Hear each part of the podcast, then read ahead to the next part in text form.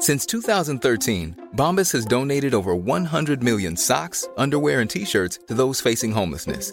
If we counted those on air, this ad would last over 1,157 days. But if we counted the time it takes to make a donation possible, it would take just a few clicks. Because every time you make a purchase, Bombas donates an item to someone who needs it.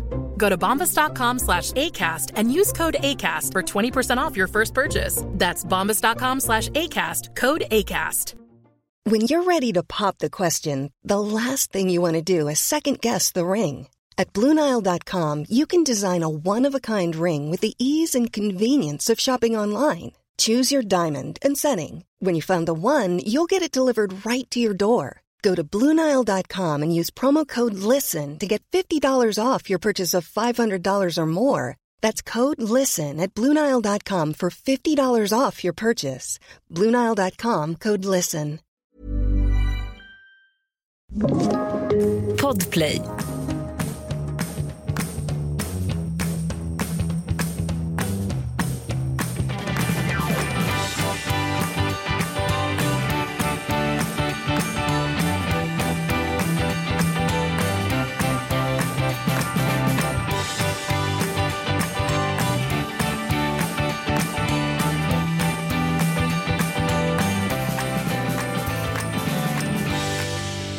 God morgon, god morgon min goa gamma.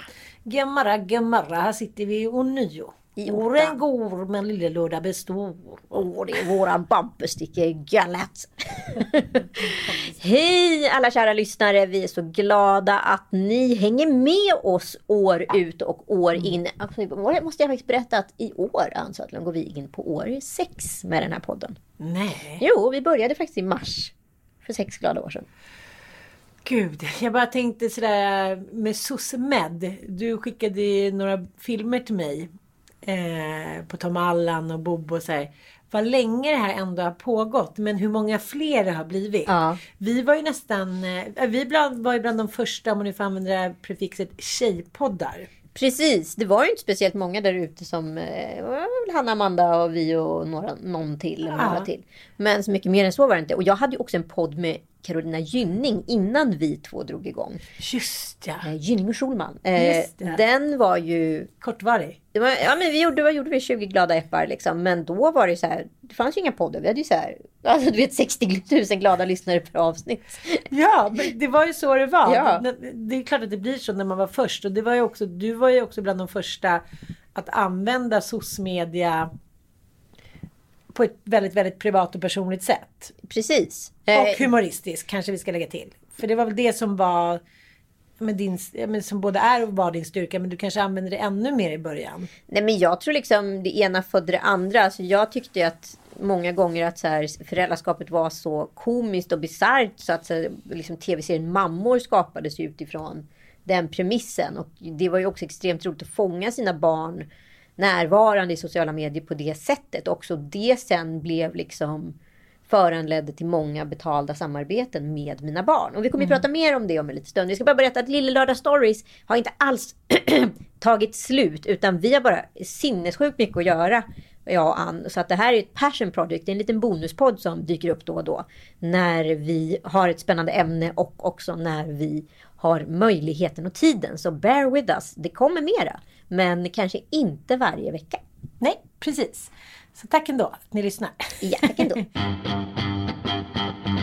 Vi kommer också prata om eh, Gift i första ögonkastet. Vår absoluta favoritserie. Ja, och det har ju också blivit en av våra eh, lyssnares favoriter när vi analyserar deltagarna. Och också hoppas vi, precis som förra året, att vi kommer få göra en spännande slutintervju. Som blev väldigt lyckad förra året. Årets upplaga har ju blivit redan från början kritiserad som den värsta castingen någonsin. Att så här, man kan inte ens skilja dem från varandra rent utseendemässigt. Eh, Den är väldigt vit. Det är ljus och fräscht.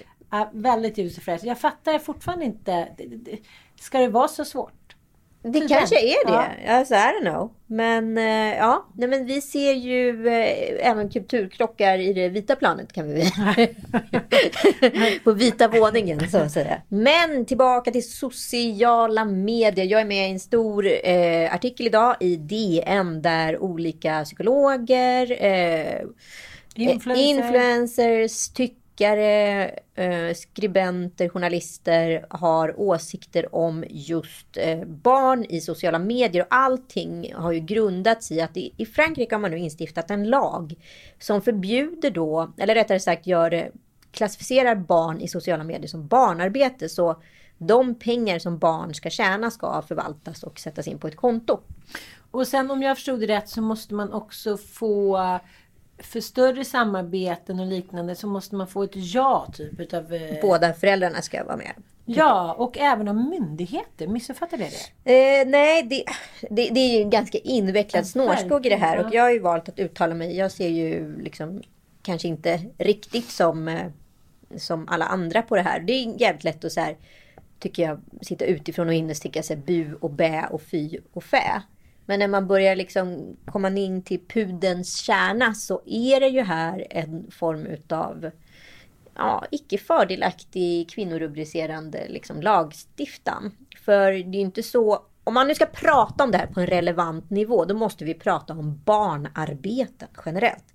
Det vill säga barnskådespelare, barnmodeller, idrottsstjärnor. Alltså Idag får ju exempelvis eh, rookie-spelare som det heter, eh, de som har spelat 100 timmar tror jag det är, hockey, värvas då från 16 års ålder. Eh, och då tjänar man ungefär 20 000 kronor i månaden. Och jag tror ju att det finns ett stort incitament bland vuxna, eller framförallt farsor då. Att de här sporterna, det är inte bara deras egna passioner för att de satsar på sina barn. Det ju att det finns väldigt mycket pengar i de här kontrakten på andra sidan. Och skulle föräldrar då investerar så mycket som det kostar att vara en hockeyfarsa på ganska stor proffsnivå. Alltså när barnen börjar verkligen säga, ja men du vet, du ska köpa tre klubbor i veckan, de kostar 2000 kronor styck och så vidare. Det, det är mycket pengar. Det där ska ju betalas av någonstans i slutändan. Man gör det ju inte bara, man ger ju inte upp sin eget kanske jobb, dröm, passion för sin sons skull. Bara för att man är en nobel människa. Men det är ju det man många gånger tror och tänker. Man tycker så, åh vad fint att han satsar på sina barn. Men det är för, för att det finns också en betalning på andra sidan. Och om nu idrott ska börja klassificeras som barnarbete. Då tror jag att det blir annat ljud i skällan från de här männen som har mycket moraliska åsikter om det här. Jo, men... För sociala medier är ju i mångt mycket en kvinnlig domän. Uh. Och det är mammor primärt då som exponerar sina barn i olika situationer mm. i sociala medier. Och prime-ålder då eh, enligt amerikanska mätningar är mellan eh, åldersspannet 2 till 4. Ja. Och sen är man förbrukad. Sen är man lite förbrukad som barn. Eh, liksom, jag, när jag läste det där med att här, mellan 2 och 4 är de som allra hetast. Ursäkta uttrycket. Då fick jag bara en sån här vibb av exponering av barn på nätet. Fast överlag. Jag blev bara så här, ja men jag tyckte det var så hisnande att det fanns liksom en mätning som var så här, okej okay, mellan två och fyra, då kör vi. Då bara meckar vi ut där. Och det är det som är problemet med, jag tycker man kan jämföra, ska vi säga då, hockeymorsor med då influencers.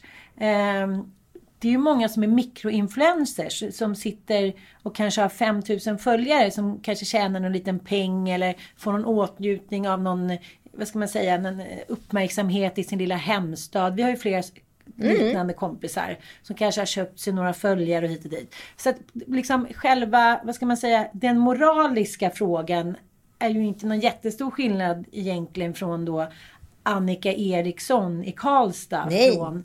Så om vi ska prata om det moraliska. Sen är det klart i fallet Ar Arnold, eh, Margot Dietz, så är det så att de har fått byta förskola. Folk ser honom som en liten påvegud. Det där kan man jämföra med till exempel med Tiger Woods. Absolut. Eh, som hade en farsa som drillade honom från att han var 11 månader och liksom stod för det. Och i dokumentären om Tiger så säger han så att han försökte då någon gång vid 13-14 att få testa någon annan sport och hans lärare försökte prata med hans pappa. Så, men det var Nej, det var inte aktuellt. Men det, men det som jag tycker är tydligt är att det är ju inget barn mellan två och fyra i sportvärlden som blir exponerat på samma sätt. Och jag tycker att jag känner massa tjejer som är så här, Fan vad man saknar att gå upp sex på morgonen och stå i hockeyhallen. Det är ändå, det är en, jag tycker den stora massan i hockeyn kommer ju inte få någon foppa. Men jag tycker så här, alla i den här nya influencer mamma-världen vill ju åtnjuta någonting som gör att de blir mer attraktiva. Så Fast- är det ju inte på hockeybanan på det sättet. Ja, fast det tycker jag du jämställer fel faktiskt. För att det finns ju sjukt många hockeyspelande ambitiösa morsor där ute. Och ytterst få proffs. Hockeyspelande. Nej men förlåt, eh, hockeydrillande morsor där ute. Men ytterst få proffs. Ja. Och likadant skulle jag säga inom influencerskapet. Det finns ju hundratusentals, säg kanske en miljon mammor som lägger upp bilder på sina ungar i sociala medier. Men ytterst få tjänar pengar på dem. Ja, Sen om man ska prata om barn som exponeras där exponering faktiskt är rent av positiv. Då är det ju för att prata om, om barn med funktionnedsättning. Exempelvis så har ju Julia Bergmans barn Down syndrom och eh, Angelica Lundins barn har protes. Det här eh, kan ju ta bort en jävla massa skam och också öppna upp och minska rädsla för det här i samhället. Så att det finns ju inte bara negativitet med barnexponering, vilket det gärna får fokus på. Och det här tycker jag är ett starkt problemområde. det håller jag med om. Nej, men kommer du ihåg den där, den där kvinnan i eh, Schweiz som eh, sued her parents for Ja, hon, hon hade, det fanns massa bilder på henne, tycker hon, i prekära liksom, situationer. Hon satt och kissade på en potta och hit och dit. Tusentals bilder på deras Men Facebook. det låter ju också helt sinnessjukt. Ja, och då, då sa hon så här, jag vill att ni tar bort de bilderna. Jag, eh, jag menar, vi är också alla olika som vi pratar om Ja, med ja, ja. nakenhet och liknande. Vissa tycker det är jättejobbigt och jag kanske inte skulle bry mig om det var någon bild när jag satt på någon potta. Men hon tyckte att så här, hennes föräldrar nyttjade henne utan att fråga. Liksom, nu var hon ju vuxen. Mm. Och det är barnen som har rätt att säga till Precis. jag. Därför blir det så himla konstigt när olika föräldrar går in och diskuterar det här ur, ur olika infallsvinklar. Det jag säger är att personligen kan jag ju säga eh, jag tror att den minsta skadan man orsakar sina barn är just mellan två och fyra. Jo, jag fattar. Det förstår jag också. Men, men däremot så blir det ju nästan... Det blir ju... Alltså när du säger på det här sättet känner jag nästan att det blir så här. Från fyra kan man ju säga, nu kan ju Frans säga så här, jag vill inte vara med. Och Bobo säger, jag vill inte vara med på Ja. bild. Dante säger, ja då, det, då respekterar jag det. Men sen var det ju ett inlägg med, eh, med Bingo. Där en utav hans söner sagt att sluta filma mig. Och så hade han ändå filmat och lagt ut. Och då blev det ju ramaskri. Och då försökte Bingo förklara det med att hans son ville bara vara med på fördelaktiga filmer och bilder. Du tänker så här, men vilken unge som är i så här en känslig ålder vill inte det? Ja men såklart. Och Men det- jag har ju två olika barn. Jag har ju Penny som är liksom en linslus. Som henne får man ju gränsa. Henne liksom aktivt väljer jag att inte exponera speciellt mycket. Eh, utan liksom otroligt ordnade omständigheter. Och sen så har jag ju Tom Allan som absolut i grunden inte vill vara med. Men är en knasig rolig person. Och ibland bjussar han. Men säger det. Men han säger oftast till att jag vill inte vara med. Men jag tycker ändå att det är en stor skillnad där. För om du, tänk, om du tar så som jag var när jag var liten och som jag till exempel ser Frasse så är det väldigt tydligt. Frasse var ju två år när han sa att det är match och gick ut. Hade klätt på sig och skulle spela en fotbollsmatch. Oklart var. Men och liksom, han har en otrolig så här, inre drivkraft för idrott. Hela hans liv, det enda han vill, att få idrotta. Jag ser det på honom. Han säger han brinner i ansiktet. Han älskar det så mycket och det kan ju inte han identifiera för han är fyra år. Ja precis, han vill ju bara spela bu- bubba. Precis som jag var när jag var liten. Jag ville bara så, sätta upp små shower och bara nu är det föreställning mamma och pappa. Då finns det ju ändå en drivkraft. Vad är drivkraften för en treårig unge som så här, exponeras 40 gånger per dag på Instagram? Men det är ingen drivkraft. Nej. Däremot så kan det ju vara roligt att få hänga med mamma. I mammas domän, i mammas värld. Hur många roliga resor, hur många roliga upplevelser, hur många knasiga upptåg har vi kunnat haft möjligheten att göra på grund utav det här. Och jag måste också vara tydlig med att det påstås också att då det är föräldrarna som plockar pengarna från barnen i sociala mediesamarbeten. Jag har satt in Pennys alla pengar som hon har tjänat någonsin i en fondförsäkring. Det vill säga den förvaltas utav staten så varken jag eller Kalle kommer åt den här. Och den fond, oavsett om vi skulle kolla vippen innan hon fyller 18 år, så är det staten som reglerar hennes pengar. Och det kan jag uppmana liksom alla andra influencermorsor att göra, om det nu är så. Eller idrottsmorsor etc. Liksom. Eh, och då får ju hon de pengarna när hon fyller 18. Det kommer jag en bra start i livet om jag säger så, utan att nämna några liksom, Jo men du var ju väldigt tidig med även det. Jag tror, jag tror bara att med all, alla nya fenomen som kommer som inte har funnits förut. Man måste hitta ett regelverk. Och hade det varit män som hade varit intresserade. Då hade det tidigt funnits ett regelverk. Man hade vetat hur man skulle bete sig. Både moraliskt och socialt. hit och dit. Men eftersom det är kvinnor så är de mjuka värden. De håller på mammor och det tas bilder och hitan och ditan. Och så helt plötsligt så blev det en kommers. Och då blir den manliga delen avis. Det var en jättebra... Eh, det finns en, en ny film, Sweat, utav Magnus von Horn. Det handlar då om en... Eh, eh, en tjej. Hon är en sån tränings, eh, superträningsbrud som lever liksom men, varje dag så är hon på olika eh, shoppingmalls och tränar och lägger ut så här, hur man ska bli healthy. Hon, hon liksom, hennes liv är tillsammans med de här fanatiska 600 000 följarna då. Och då, då försöker han visa då fördomarna. Man måste ju vara trasig på något sätt, narcissist, man kan inte ha något annat liv hit och dit. Men, men ja, det är liksom, det, det blir ingen så här han kommer inte fram till någonting. Det blir inget rafflande. Nej precis. Han, han bara, ja, det handlar om ett mammasår. Att mamman tycker inte att det här är något viktigt. Och mamman tycker att hon ska sluta med det. Så det är klart att det finns någon bakgrund till att hon kanske vill ha bekräftelse. Men det vill väl nästan alla unga brudar om man säger så.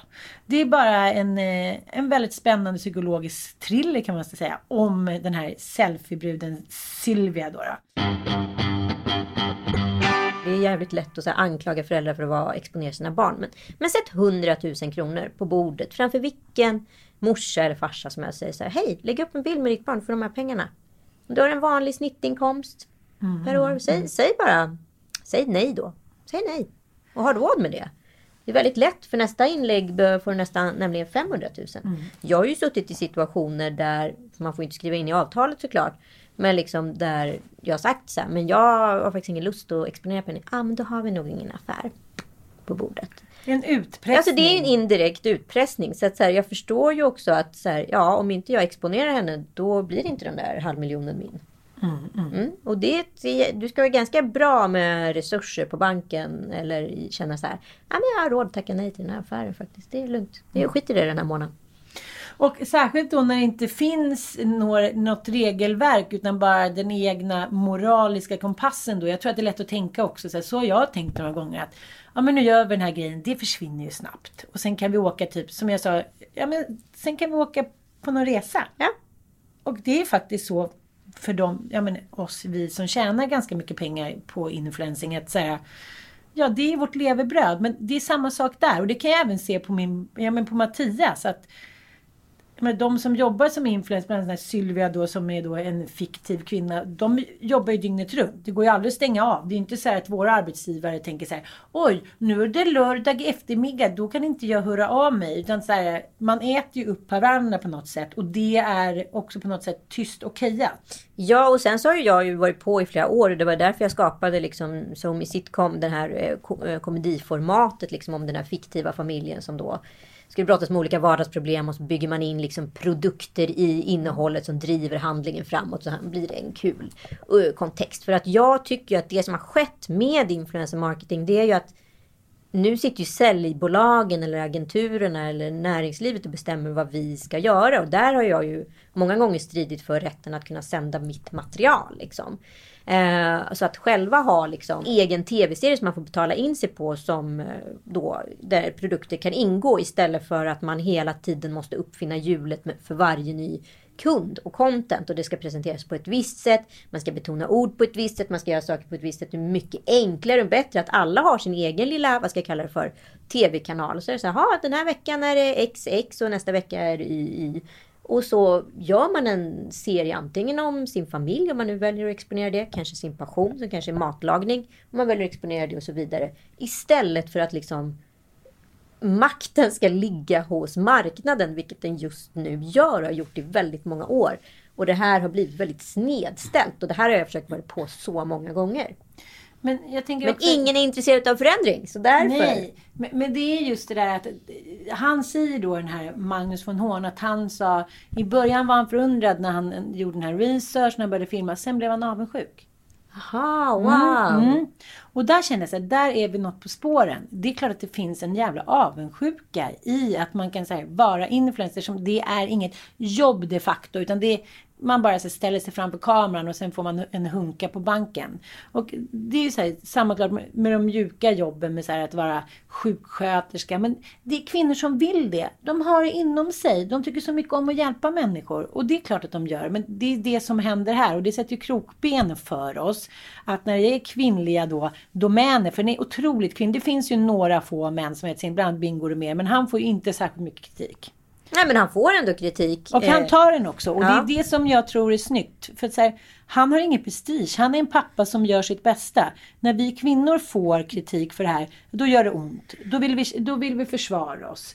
Då liksom... Då är inte...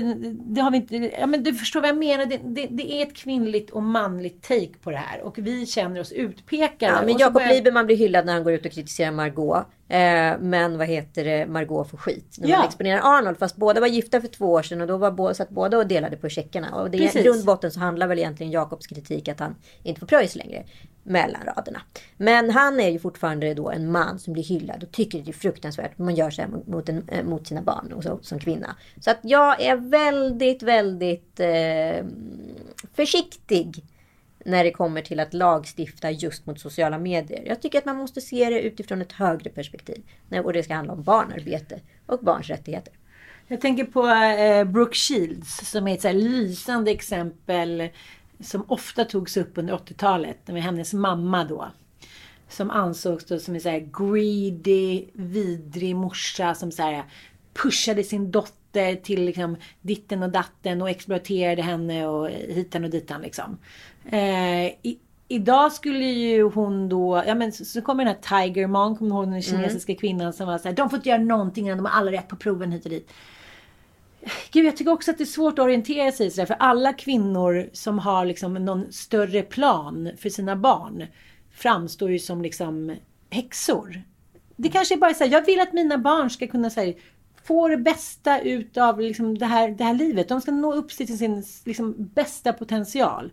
Och då direkt, så det är svårt att navigera. Det är jävligt svårt som mamma. Ja men alltså, så alla minns ju Gunilla Persson och hon drillar Erika där på den här talangcastingen. Och det i USA är inte det något konstigt alls. Liksom. Och där så, så här, samtidigt har jag varit på situationer med Penny där hon säger ah, jag vill så gärna spela teater, jag vill så gärna göra det här och bla bla bla bla. bla. Och så kämpar och eh, liksom, pluggar en text och för att hon vill. Och var så här, var ska jag dra gränsen när det finns en ambition? Eh, Jag kan tycka så med mina föräldrar. Så här, nu var ju det liksom 70-80-tal och det var väl ingen som riktigt så här. Ja, nu ska vi gå. Då kändes det som att det kanske var en viss kulturelit som så här, tog sina barn på olika så här, castings hit och dit. Men jag tjatade hela tiden om att jag ville ju testa, jag ville vara med i en film hit och dit. Ja, det var väl ingen direkt som gjorde. Jag startade, ja, men fick man vara med i ett fotbollslag, då fick man starta ett eget fotbollslag.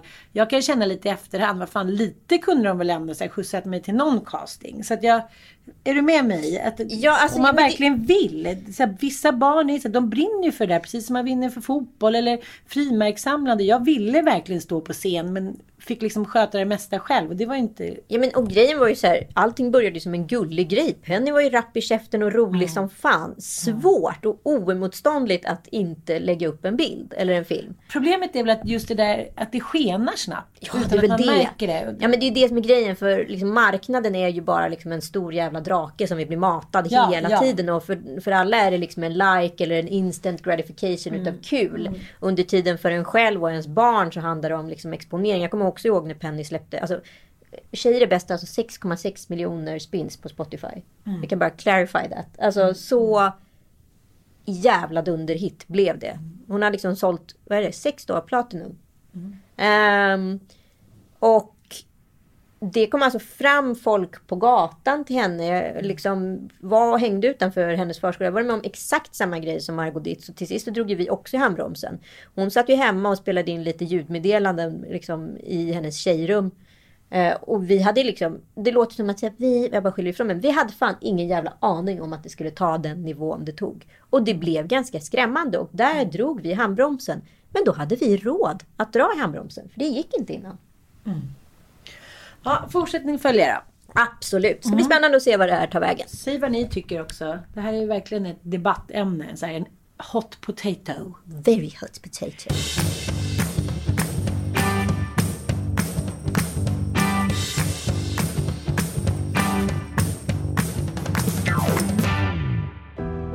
Jag känner mig stolt att jag har blivit matchad med honom. Jag är glad att jag fick Sofia. Alltså jag blir så här blöt i ögonen emellanåt när jag tänker på det. En annan eh, het potatis eh, är ju då vårt kära program Gift vid första ögonkastet. Eh, Susanna. Hon, har ju, hon har ju varit förra veckans skräll, kan man säga så? Men bara för att göra en liten recap på paren. Vi har ju alltså paren då Lars och Elinor. Där Elinor är sjuksyra och Lars är en lycklig läkare som verkar vara liksom den perfekta pojkvännen på pappret. Han räddar barn i Kongo med blodtransfusioner från sig själv samtidigt som han opererar. Han är roligast på festen. Han är bjussig och härlig och en kille som hittar på saker. Han har kommit på så många roliga initiativ som hon ska få göra. Små lappar, små här or origamilappar som är vikta med små olika upplevelser i. Som han erbjuder. Alltså det är ju en fest med Lars. Sen händer inte så mycket mer. Nej men sen känner väl Elinor att det bara just är en fest och det finns ingenting under den där festen. Så, ah, det är lite jobbigt. Och det här är också ett par som man kände var så här supersynkade direkt i början. Och det här tycker jag är det roliga med programmet för att man, man liksom de paren man tror på i början, det är ju sällan de paren avsnitt 3-4 som man känner så här, oj, det här kommer inte gå. Liksom. Men eh, ja, de kanske kommer över sina obstacles. Och, Men- och sen har vi Anton och Sofia. Precis. Eh, Tacoparet. Tacoparet. Du vet, man kan ju säga så här svennebanana-klyschor som är roliga. Ja, men, Filip Hammar har alltid tackat mig för att jag sa en gång, man gillar ju bröd. Jaha. Han tänker så, ja det är väl klart att man gillar nybakat bröd, så man gillar ju bröd. Men när jag ser någon annan säga sådana kommentarer, som Lars säger då så här, ja men jag kan ibland bli stolt över min taco. Det, tacos hos mig är ju inte samma som tacos hos Sofia eller någon annan. Och man, eh, ja jag vet inte.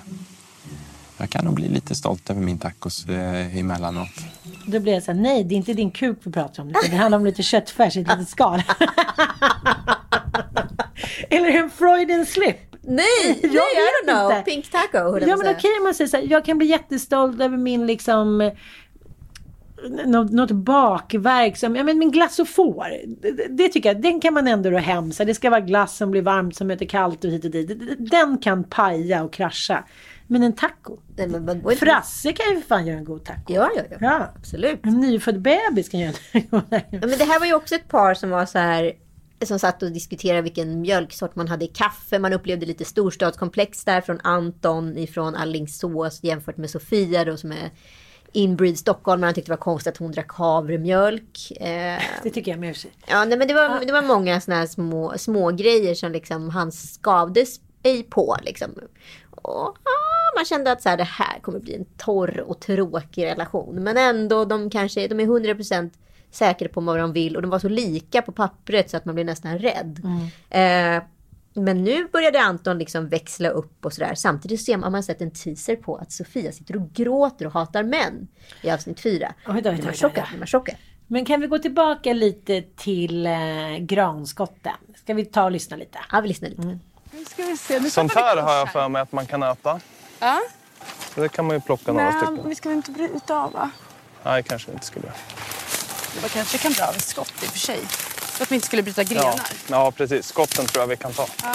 Men jag tänker, i och med att vi inte vet om man kan eller inte eller ska eller inte. Ja, granskott har jag ändå ätit förut. Ja. Så det, det vet jag att det går. Ja, men absolut. Ja, Men vi behöver kanske inte ta så mycket så att vi slipper slösa på resurserna i onödan. Tänker jag. absolut. Så kan vi hämta mer sen. Ja, då tar vi en. Eller hur? Jag, ty- jag tycker så. Ja, men då gör vi så. Det blir bra. Yes. Jag tycker så. Då gör. Anita, nu måste du förklara det här för mig. För att det här känner jag, är det här ett skådespeleri? Menar hon på allvar att hon står så här och pratar om allemansrätten och att han nu har förstört genom att äta ett granskott? Jajamän. Men det är bara för att hon vill sätta alltså- dit honom. Det, det, liksom, det finns ingen annan bakgrund till att hon är så här. Hon vill bara trycka dit honom hela tiden. Det Fast- gör ont att, han inte, att hon inte når honom. Nu pratar vi alltså om det hetpotäten Susanna Mm. och Johan som också kändes som det mest liksom naturliga, självklara, sprudlande paret i början. Som nu har differentierat sig. Men hon började differentiera på det sättet att, man, att hon har blivit oskön. Ja, ja. Och det här har vi sett tidigare säsonger. Elina.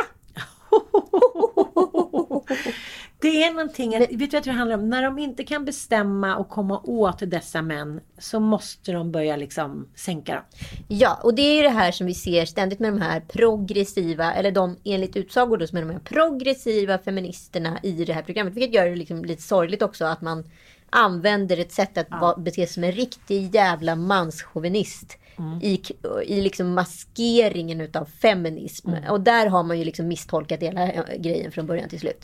Det är, förlåt, men jag bara känner så här, okej, men nu är det så här kvinnor som hatar män.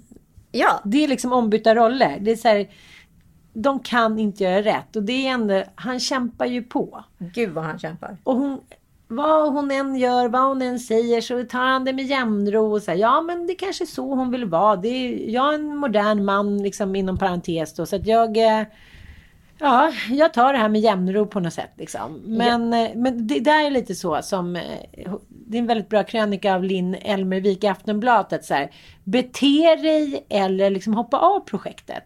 Hon har ju redan bestämt sig, Susanna, att så, här, det här är inte min snubbe. Ja, hon är då arg på att han inte tycker om att dricka öl och det är inte lika kul att dricka själv. Han är en badkruka, det är Susanna också. Men eh, hon hade verkligen velat att han hade peppat henne att hoppa i. Han är kvällstrött. Han säger inte emot henne tillräckligt mycket och han lagar mat med för mycket olja i. Han plockar ett par granskott i skogen. Eh, ja, och det är otydligt om granskott ingår i allemansrätten eller inte. Och han pratar för mycket imperfekt. Ja, det är alltså precis. i princip då, det vill säga fel på allt. Hon är punktmarkerar honom hela tiden och det är en situation som vi ska kolla, lyssna på nu. När de ska navigera genom skogen. Och eh, han står då inte tillräckligt mycket på sig för egentligen hade han rätt. Kanske komma lite mer så. Mitt på liksom. Men jag tror inte solen ska ligga här framme. Nej. Som det blir om vi viker ner. Ja. Mm. Nej. Eller? Jag tror lite mer vänster. Men Ja. Är du med på mina jag är resonemang? med på dina resonemang. Du säger bara ja. Ja, ja men jag, jag, jag förstår vad du menar. Jag håller med. Ja. Men jag, ja, jag är alltid så. Jag går mer på känsla än, En på vart än liksom på exakt försöka hitta riktning. Så, utan Okej. Jag vet ungefär vart, den känn, ja, vart jag hade den på känsla. Okej. Så, Okej. så går jag efter det. Men, Men då kommer vi ju komma fel om solen ligger här. ja, men det gör den inte. Ja, precis. Du vill Ska jag visa var ni är? Ja. Ni är faktiskt här uppe. Va? Skämtar du? Ja, Så ni har hamnat ungefär lika långt till sida som ni har gått. sådär Så ja. ni har tagit till ungefär 350 meter Ja, och jag vill och ännu ett, mer. ett tag så var ni upp precis. i den riktningen. Ja. Så, Ja. men riktigt bra jobbat. Nej, men, Jättepinsamt. Han borde ha liksom stått på sig, för han hade ju också rätt. Och det, och det kanske är lite så, så, så som han är. Han kanske är. För honom kanske det är viktigare att jag då mår bra i att jag får ha rätt. Och grejen är ju så här, Susanna, jag, så här, jag, känner så här, jag känner mig så kluven till att sitta och kritisera henne för mycket också. För jag tror att hon har varit med om något traumatiskt.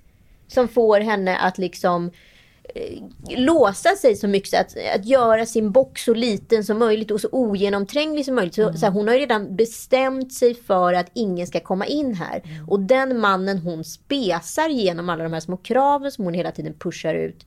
Den mannen existerar ju inte. Eller rättare sagt, den mannen som hon kan stoppa i den här boxen. Det är inte den hon vill ha. Nej, det, det känns som ett så här omöjligt uppdrag och det, det blir lite sorgligt att hon på något sätt stänger igen dörren redan innan hon har öppnat den. Och jag, det känns lite som att det är så det är för henne i relationer. Ja, och så kan man ju börja tänka så här, en kvinna som själv flyttar ut på landet och bosätter sig i torp för att hon inte klarar av patriarkatet. Ja, det, kan, det kanske låter vettigt och härligt och nytänkande på ett sätt, men det också låter ju som någon som är absolut livrädd för att bli ifrågasatt.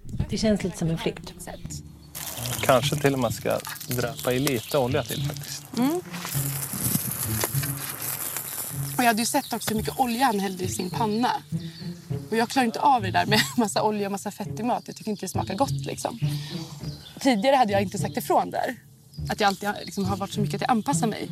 Eh, och nu ska jag säga ifrån när det är någonting. Och det här var över min gräns liksom. Och då säger jag det. Jag blir så fascinerad för att jag tänker att så här tidigt in i säsongen så försöker man ändå bete sig och framstå som en sköning. Det var ju samma sak med Elina. Så här, nej, de skiter i det.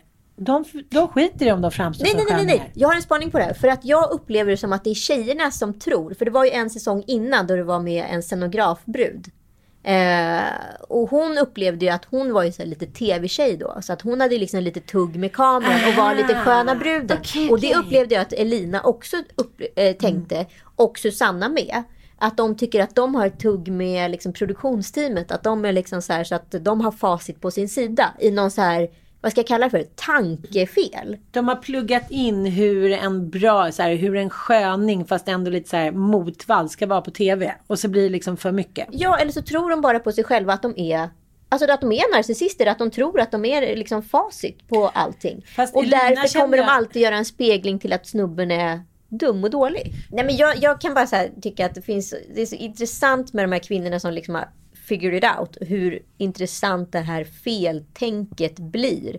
Och hur mycket det egentligen radera dem. Jag vet, men det måste ju, det är som du säger, det handlar ju om tidigare erfarenheter. Jag har ju eh, haft en kvinna i min närhet som har blivit sviken gång på gång av sina liksom, tidigare män. Och så träffar hon då en, en annan man i min närhet som är lite, lite samma.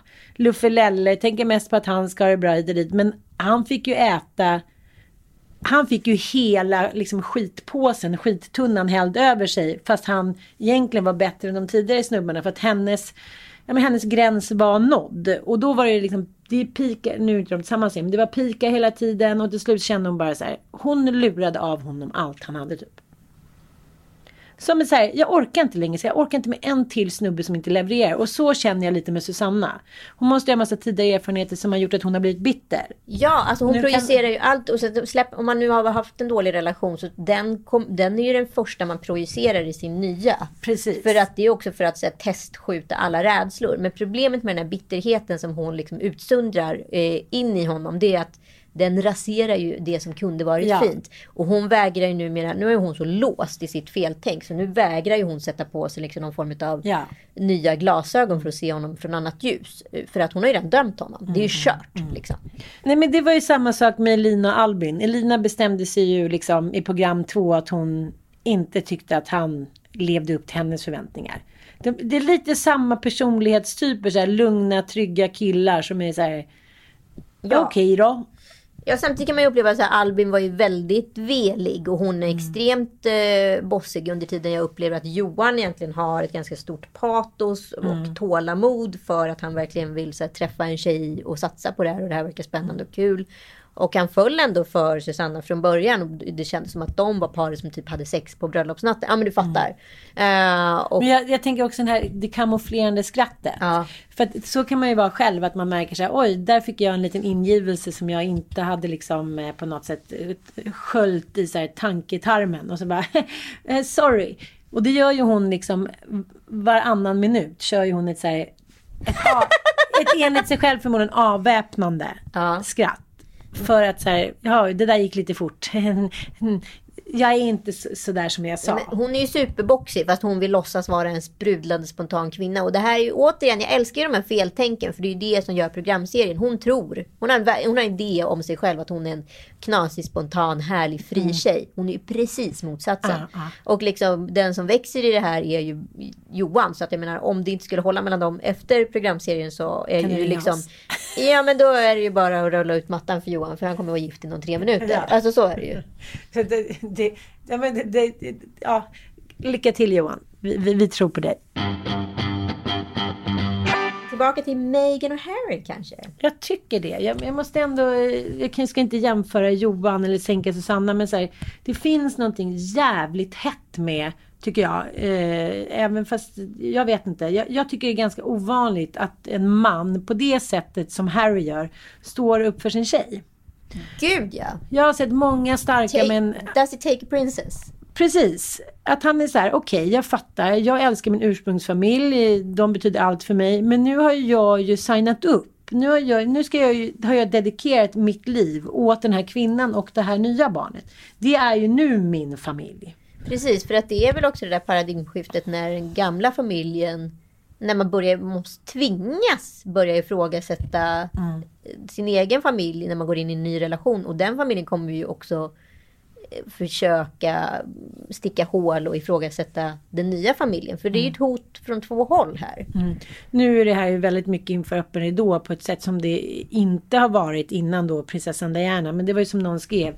Då gick ju liksom SOSMED och liknande i liksom stenålderstakt jämfört med idag. Idag är man liksom förbrukad så himla snabbt. Man måste ju komma med någon ny sensationellt uttalande efter projekt var tredje månad för att vara kvar in the limelight. I alla fall högst, allra högst upp. För prinsessan Diana var ju bara att finnas till. Liksom. Det var ju en sensation för liksom, engelsmännen. Men jag tycker att man har bevittnat så jävla många gånger män som inte står upp för sina kvinnor. Vare sig i privata sammanhang inför mamma som tycker att den nya kvinnan bestämmer för mycket och nu får du komma hit istället. Allt från julaftnar till så här, ett moraliska beslut vill stå vid någon sida. Eller i jobbsammanhang eller om det blåser eller med barnen säger så här. uh, uh.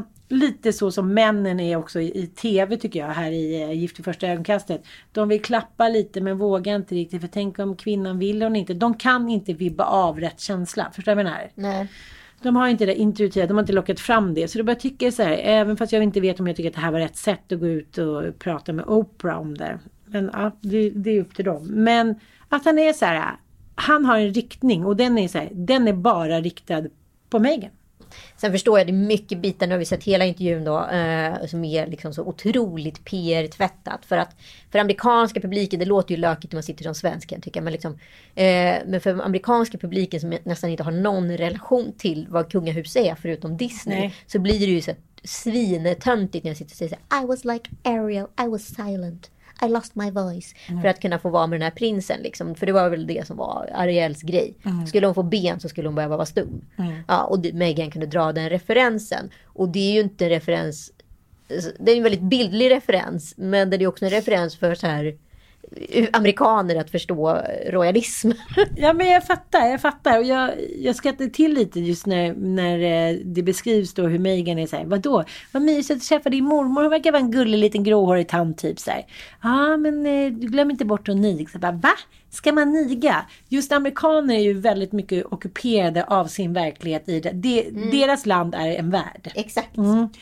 Så att jag tror så här, vett och etikett, det som vi har liksom bonkats och bankats in med sen vi var typ ett år gamla. Att man ska raka ryggen och sitta och så här, säga ni. Det är klart att det börjar luckras upp. Det finns ju inte i USA. Nej, men det där kommer jag ihåg. Jag dejtade en amerikan när jag bodde i Paris och vi gick ut och käkade middag och så dejtade min kompis Linda, hans bästa kompis. Ja men du fattar, det var så här perfekt och de var så här. De jobbade som piloter och varje gång de kom till Frankrike då så gick vi ut och käkade. Så de, det var ju jättekul tyckte vi för att helt plötsligt så hamnade vi på massa roliga middagar och grejer och vi fick sätta upp liksom hela så här. Det här ska vi göra helgen. och jag kommer ihåg så här första gången för då har jag bokat någon så här jättetjusig så här, tre eh, restaurang och jag är så här. Det finns någonting som jag är extremt känslig för. Jag klarar liksom inte av dåligt bordsskick. Nej. Alltså jag klarar inte av det. Jag klarar, alltså så här, man får bryta mot reglerna om man vet reglerna, ja. Men jag klarar inte av dåligt bordsskick. Och det första de gör är liksom så här, ta inte ner servetten och lägger i knät. De, tar, de vad heter, det, skär upp allt kött på tallriken och så lägger de kniven på sidan. Och så sitter de med ena armbågen i bordet Aha. och skopar in den här maten. Som för barn. Som för barn. Så jag är någon form av så här Alltså chocktillstånd utav skam, skuld. Jag skäms för mig själv som har de här värderingarna. Jag skäms för min, min dejt. Jag skäms för personalen. Jag, alltså du vet, det var, det var Det liksom... är svårt att hångla i det läget. Det är sjukt svårt att hångla i det läget. Vad slutar det med då? Nej men att jag liksom får ett utbrott. Nej! Jo! Nej men åh gud, jag kan nästan inte prata om det. Jag skäms så jävla mycket. Alltså det låter som en sån super... Anitisen von Bodel. elitfitta. Men alltså... Jag tyckte... jag fattar vad jag menar. Elitfittan från... Ja, gud vad roligt. Ja, men, men, who am I to judge? Who am I to Nej, judge? nej, men jag fattar. Men det handlar ju om att så här, de tycker att de är sköningar. För i USA är det en skön, man, så här, man gör allting liksom. Man, för- man försnabbar upp alla känslor. Så, här, so, then we're done. Okay, let's play golf. Now we're done. De så här, skar upp sitt kött, käkar upp det och sen går man vidare. Liksom. Exakt. De, det handlar inte om... De drack också alkohol, alltså drack drinkar till eh, huvudrätten. Ja. Alltså panik. Inga gamla, inga gamla det där inte.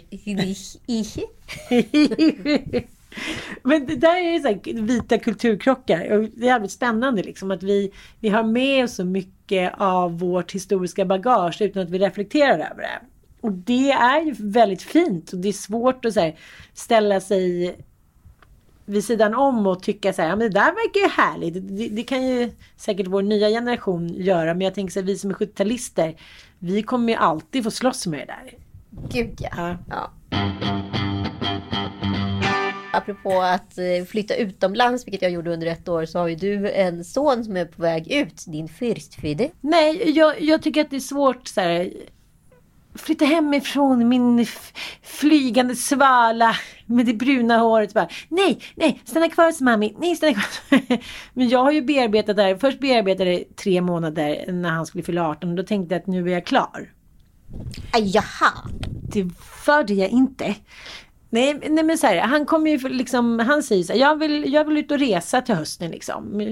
Jag vill ut och segla eller åka till något annat land och surfa. Så han, han kommer ju sticka iväg. Ja, han är ju 19 år han Södlund så att det är ju inte jättemärkligt. Nej, jag vet. Och så sitter vi och snackar lite i hans rum och helt plötsligt så är det som att jag tror han tror att jag skämtar. För att jag, jag vill inte börja gråta. Så det blir lite så som när man var 14 och så här, vill make a statement eller få någonting.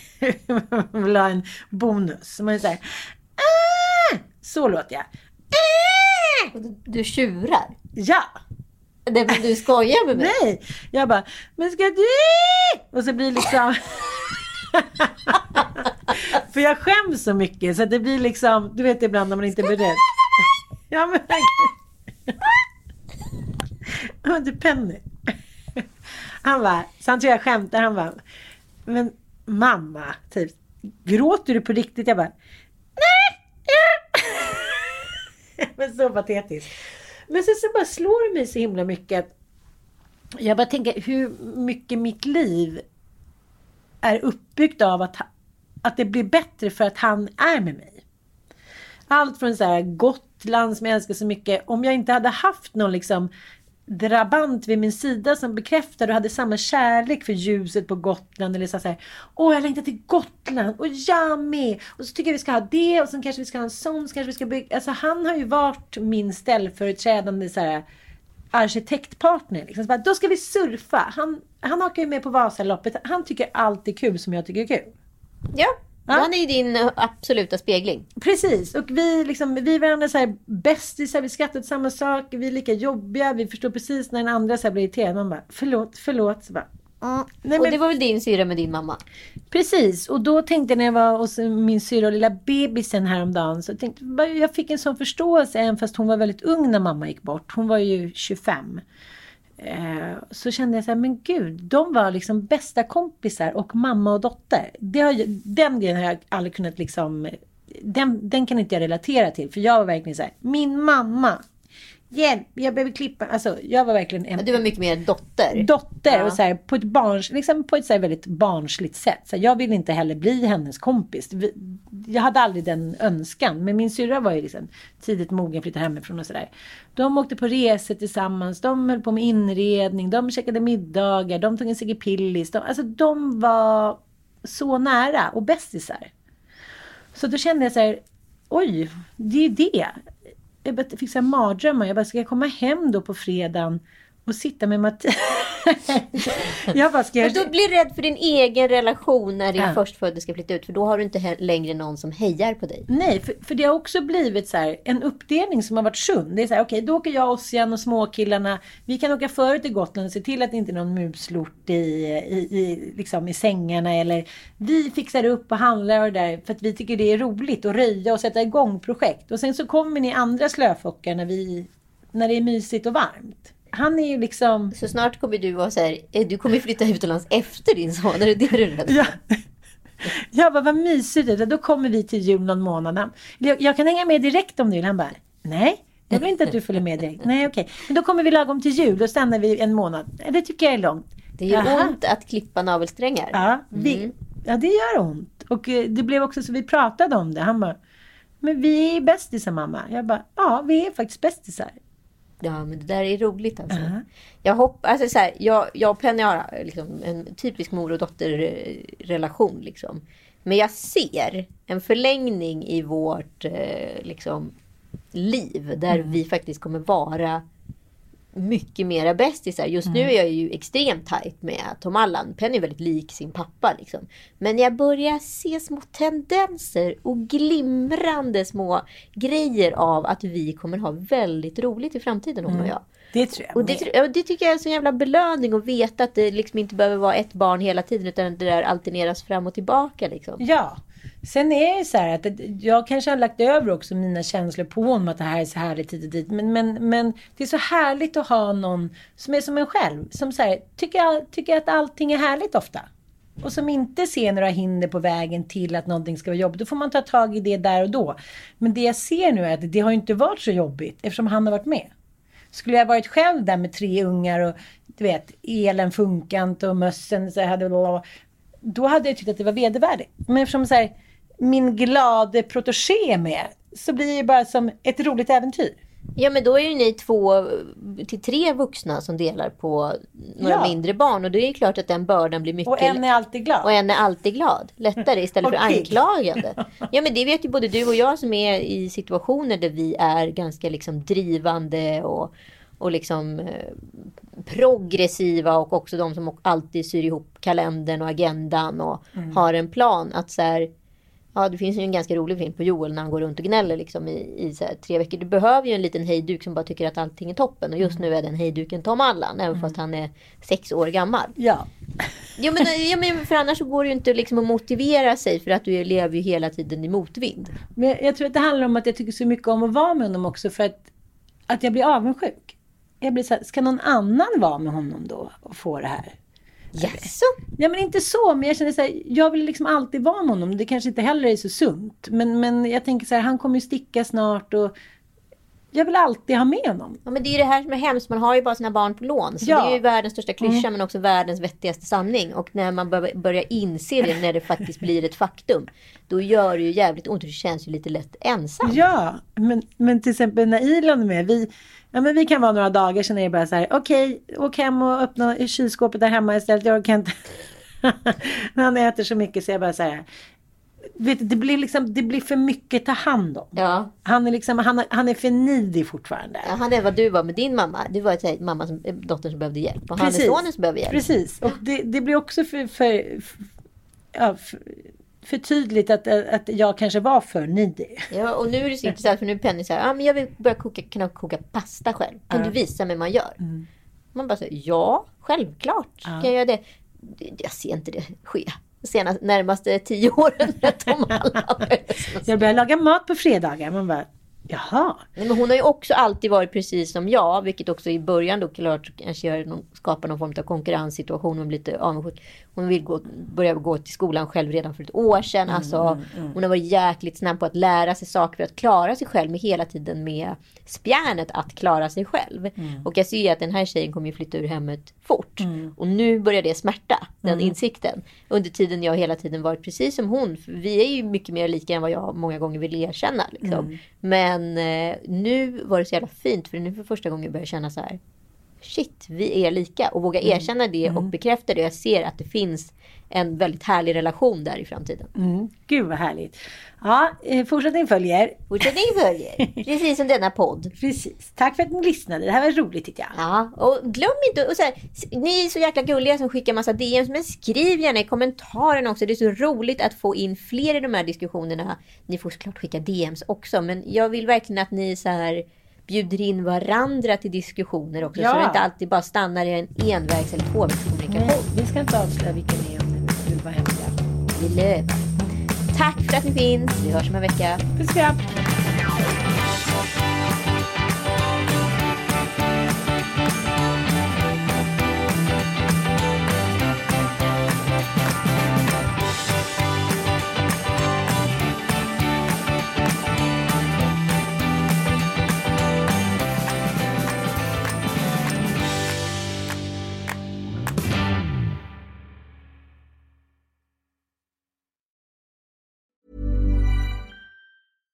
Hey, it's Paige DeSorbo from Giggly Squad. High quality fashion without the price tag. Say hello to Quince.